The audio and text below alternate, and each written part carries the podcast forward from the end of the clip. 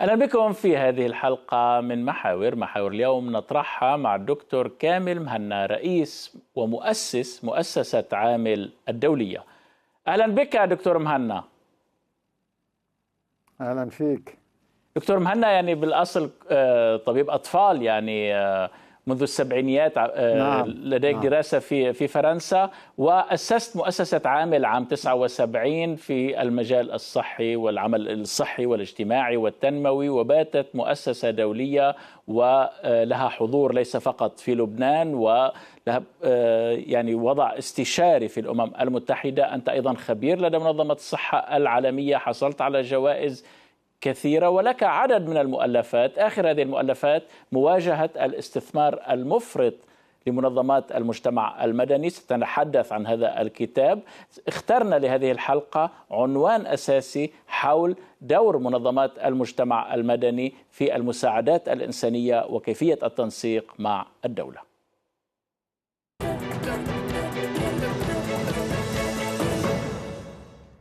دكتور مهنا ما يميز الكتب التي آه، نشرتها هي أنها تنطلق من تجربة مؤسسة عامل تجربة عملية وإن كانت تتضمن إطار نظري لكنها تنطلق من تجربة عملية.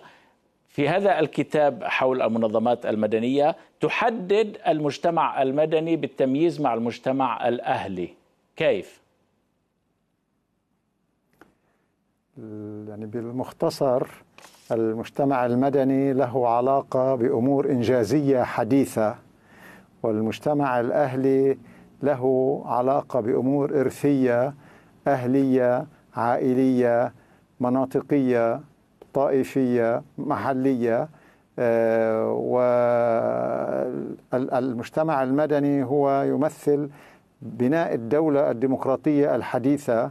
وبينما المجتمع الأهلي هو ينطلق من الواقع القائم. إنما هذا لا يقلل من أهمية دور المنظمات الأهلية في لبنان وفي العالم. لها دور كبير في مجال الإغاثة والمساعدات.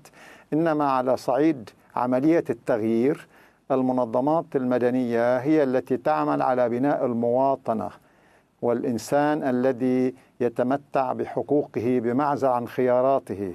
فهذا هو يعني الفرق الأساسي وفي الكتاب هناك يعني مقدمة للصديق الدكتور بالإضافة للدكتور جورج كورم الدكتور مصطفى حجازي ويفصل بين المجتمع الأهلي والمجتمع المدني. ولبنان هو بلد غني جدا في المنظمات الأهلية ولعبت دورا كبيرا كبيرا خلال الحرب في الحفاظ على استمرار المجتمع. انما ما هو المطلوب هو بناء مفهوم مدني ينبثق من مفهوم المجتمع المدني حيث هناك حاليا كثير من الالتباس حول هذا الموضوع. وأنا أريد يعني أن أحدد يعني بالمختصر آه، ماذا يعني بالنسبة ما ما كتب في الكتاب. وذلك بالعنوان مواجهة الاستثمار المفرط لمنظمات المجتمع المدني لأنه باتت هذه الكلمة شماعة. فمن هم في السلطة؟ لهم مجتمع مدني وهم في المعارضة. عمل لك باتت شماعة. من هم في السلطة لديه مجتمع مدني ومن المعارضة لديه مجتمع مدني ومن هو في الوسط له مجتمع مدني. وبالتالي أردت أن أوضح فعليا ما هو المجتمع المدني وهي كلمة مهمة جدا جدا. كما قلت يعني هيك بتعريف بسيط فيه سنة 1999 مفكر إيرلندي اسمه إدمون بيرك هيك شبه الدولة بالأسرة الكبيرة والأحزاب والمنظمات الاقتصادية والاجتماعية والبيئية والإنسانية هي الأسر الصغيرة وبالتالي يجب أن يكون هناك دولة ودولة قوية مع مجتمع مدني قوي حيث للأسف بات هناك مفهوم عند بعض النخب خاصة تلك التي غادرت يعني مواقعها في الحركات اليسارية واعتبرت أن المجتمع المدني يمكن أن يكون موجود دون دولة وهذا مفهوم خاطئ. لا مجتمع مدني قوي دون دولة قوية ويجب أن يكون هناك مصالحة بين المجتمع المدني والدولة لما فيه تعزيز ثقافة المواطنة وبناء الدولة المدنية والإنسان المواطن. طيب عمليا دكتور مهنا خاصة في آه، زمن الكوارث الطبيعية أو الحروب. كيف تعمل منظمات المجتمع نعم. المدني؟ وهل يمكن فعلا أن تكون مستقلة عن عمل الدول أو المنظمات كالأمم المتحدة أو غيرها؟ هذا سؤال كبير الحقيقة سؤال كبير. آه، ما هو ما هي علاقة هذه هذه المنظمات؟ إن كان على بالدول أو المنظمات الدولية هل هي مؤسسات مستقلة أم هي تابعة أم هي تمثل أجندة معينة؟ هذا سؤال كبير وهذا أظن أيضا المعنى لوجود مؤسسة كمؤسسة عامل التي تأسست في إطار الحركة الوطنية بعد الغزو الإسرائيلي عام 1978 لجنوب لبنان. أنا من هذه المنطقة حيث من بلدة صحيح. خيام دمرت بالكامل. ف أردت أن في إطار الحركة الوطنية أسسنا عامل كجمعية مدنية غير طائفية وهي تقدم نموذجا للتغيير. وعام 82 في الغزو الإسرائيلي الثاني آه، تراجع دور القوى الوطنية وغادرت منظمة التحرير لبنان فباتت عامل مؤسسة مدنية مستقلة. وهذا هي تقدم نموذج للتغيير في لبنان والعالم كحركة اجتماعية تغييرية مبنية على ثقافة المواطنة ونحن نرفض ازدواجية المعايير نرفض التبعية خاصة للمنظمات الدولية في مكتب شعار شركاء لا أوصياء. طيب. ما في حدا فهلا أي تفضل. طيب دكتور مهنا هذا النموذج كما تقول كيف هل ما هي العوائق أمام أن يطبق شيء من هذا القبيل في الدول العربية المجتمعات العربية بشكل عام؟ وخاصة نرى هذا خاصة في الأزمات بمعنى كيف يمكن لمنظمات مجتمع مدني أن تلعب دورا بشكل كامل وفق هذا المفهوم؟ يعني هذه أول شيء يجب أن يكون هناك شيء ما أسميها الالتزام تلتزم بقضايا معينة محددة لها علاقة بالفئات الشعبية والفئات المهمشة. أول نقطة. ثانيا في التزام بالقضايا العاجلة للشعوب وعلى رأسها قضية فلسطين. رابعا أو ثالثا توزيع عادل للثروات وطنيا وكونيا. رابعا بناء دولة العدالة الاجتماعية حيث يكون القطاع العام مشرف على القطاع الخاص الذي يفتش على الربح. وخامسا حماية البيئة ومحاربة حرارة المناخ. والنقطة الأخيرة أي عمل إنساني يجب أن يعمل في المناطق الشعبية وتحت شعار التضامن وليس الشفقة ليس اليد التي تأتي من فوق ويصبح هناك ثقة مع المجتمع المحلي ننتقل إلى التنمية مع الناس وليس باسم الناس ومن ثم ثقافة الحقوق حق الناس في التعبير بالصحة. لا يمكن أن نتحدث عن ديمقراطية بدون مشاركة المرأة. لدينا العديد من ما يسمى ال NGOs وهذه تسمية خاطئة و لماذا؟ أستطيع أن أشرح لاحقا ما ما أقصد. لأنه هذه هي سميت في الماضي منظمات أهلية ثم منظمات مدنية غير حكومية. بعد انهيار الاتحاد السوفيتي واعتماد الخصخصة والقطبية الأحادية تراجع دور الأحزاب الإيديولوجية خاصة اليسارية. فتم من قبل الأمم المتحدة اعتماد شعار التنمية المستدامة. وفي ذلك الوقت كان يوجد في العالم 400 مليون فقير و10 ملياردير. في ظل هذا الشعار يوجد حاليا التنمية المستدامة ملياري فقير و1277 ملياردير الخطاب في مكان والواقع في مكان آخر. فنحن نقول على هذا الصعيد يجب أن يكون التزام بالعمل في المناطق الشعبية. لدينا العديد من ال NGOs التي تتحدث في الفنادق عن الديمقراطية في وقت الفقراء يزدادون فقرا والإغنياء غنى تعبير ال NGOs هي منظمات غير حكومية. الجيش هو منظمة غير حكومية وهو سلطة. أنا حاليا في لبنان باتت كلمة NGOs نوع من شتيمة وعملاء صحيح. للسفارات. أعتمد المنظمات الإنسانية الإنسان طيب. الإنسان هو الهدف وهو المحرك المنظمة حتى المجتمع طيب. المدني كما قلت وهي طيب. كلمة مهمة جدا. آه، ثباتت شماعة كما ذكرت. تفضل. طيب دكتور مهنا آه، كيف آه، يمكن إدخال مسألة مواجهة التغيرات المناخية في عمل المنظمات منظمات المجتمع المدني بشكل خاص؟ بمعنى هذا هذه المسألة مسألة أساس حيوية بالنسبة للعالم يعني. أساس أساس اهتمام بقضايا البيئة. بدأت بالعام 1988 مع بعض العلماء في العالم شرفاء الذين تحدثوا عن الاحتباس الحراري.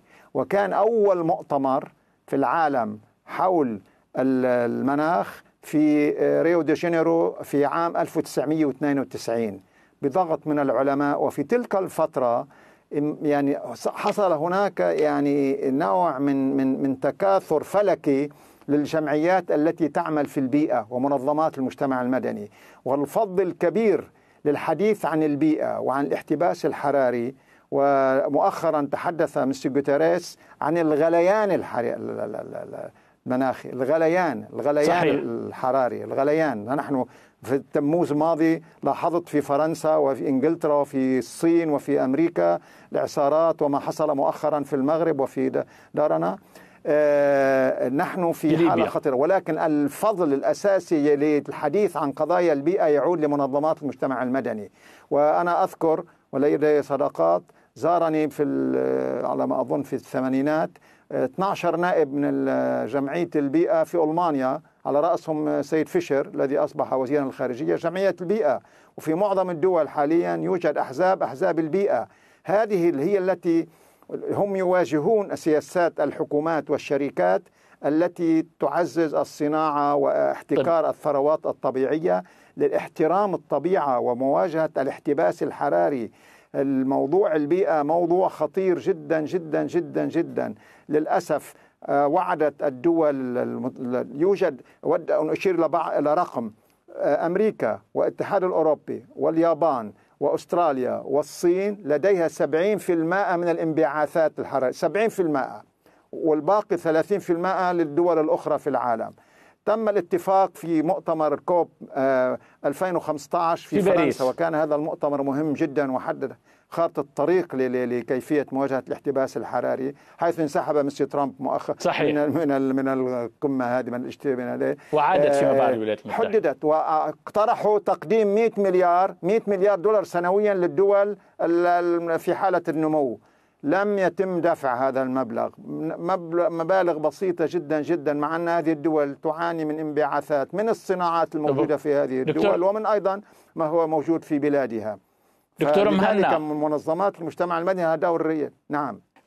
مسألة عمل المنظمات منظمات المجتمع المدني في على الأرض من خلال تجربة عامل. عندما يحدث زلزال كما حدث في المغرب نعم. أو فيضانات وسيول كما حدث في ليبيا كيف تتصرف هذه المنظمات؟ ما هي المساحة التي يمكن أن تتحرك بها؟ هل يمكن أن تعمل بمعزل عن السياسات الموضوعة من قبل الدول؟ لا هو شوف يعني موضوع المساعدة هذا موضوع يعني كبير. أنا هلأ بصدد كتابة كتاب العنوان الأول كيف ننزع, نزع صفة الاستعمار عن العمل الإنساني كيفية تخفيف الانبعاثات السامة وخارطة الطريق لحركات الاجتماعية التغييرية حيث تمثل عامل نموذجا للتغيير في العالم وتحدث عن ذلك العالم ألآن تورين. آه، وهذا موضوع كبير نتحدث عنه. بالتأكيد نحن بحاجة لمساعدات والمساعدات موجودة مع المنظمات الدولية ومع الدول وبالتالي يكون هناك توجه للعمل معها. وكما حصل مؤخرا في دارنا أو في المغرب بالتأكيد هذه المنظمات توجه. هناك بعض المنظمات التي تحاول أن تعزز المساعدات من الأفراد؟ يوجد العديد من هذه وتعتمد على عمل تطوعي مثلا؟ كل الثقافة ثقافة العمل الإنساني هي ثقافة تطوعية هي مبنية على التطوع بهذه المؤسسات ويجب أن تكون يعني بالأساس. لذلك قلت ذكرت لحضرتك أنه أنا أرفع في في مكتبي في بيروت هنا شعار شركاء لا أوصياء. لا يزال هناك ثقافة الاستعمار الجديد يعني يجب أن يعلمونا ماذا يجب أن نعمل. نحن نرفض هذه السياسات. ولكن أيضا بالمقابل يجب أن تكون أنت على مستوى الشراكة وعلى مستوى تنفيذ البرامج بشفافية. وهنا أقول لك أنه نخوض معركة كبيرة على هذا الصعيد عالمية كما ذكرت حضرتك عامل صارت مؤسسة دولية ومرشح جائزة نوبل للسلام قدمت نموذجا للتضامن مع أهلنا السوريين 13 مليون خدمة لهم. فهذه ما تقوم بطرحه الآن هو الموضوع الأساسي. دائما أنت بحاجة إلى مساعدات. على صعيد عامل المؤسسة نحن نرفض أخذ مساعدات من آه، كثير من جهات. آه، لا نأخذ من ال USAID مساعدات نحن مع جاءوا لمكتبي. فقلت لهم نحن نحترم الشعب طيب. الأمريكي ولكن تدعمون إسرائيل بطريقة عمياء تدعمون الأنظمة العربية غير الديمقراطية. آه، فعندما تصححون سياساتكم نأخذ وأنظر نأخذ من الأنظمة العربية مساعدات. نضع نحن خارطة لنا ولكن يجب أن تثبت أنت بالنسبة للمساعدات كيفية تعاطيك مع المال لأنه للأسف أيضا حتى الفساد موجود. أنا أتحدث عن BONGOs حاليا. BONGOs business oriented non-governmental organization but هناك جيش في العالم من الذين يعملون في هذه المؤسسات يفتشون عن المعاشات الشهرية عن آه، آه، سعر بطاقة السفر أجرة الفندق ويتحدثون في الفنادق عن الديمقراطية. فبالتأكيد ما تفضلت به هي مشكلة كبيرة.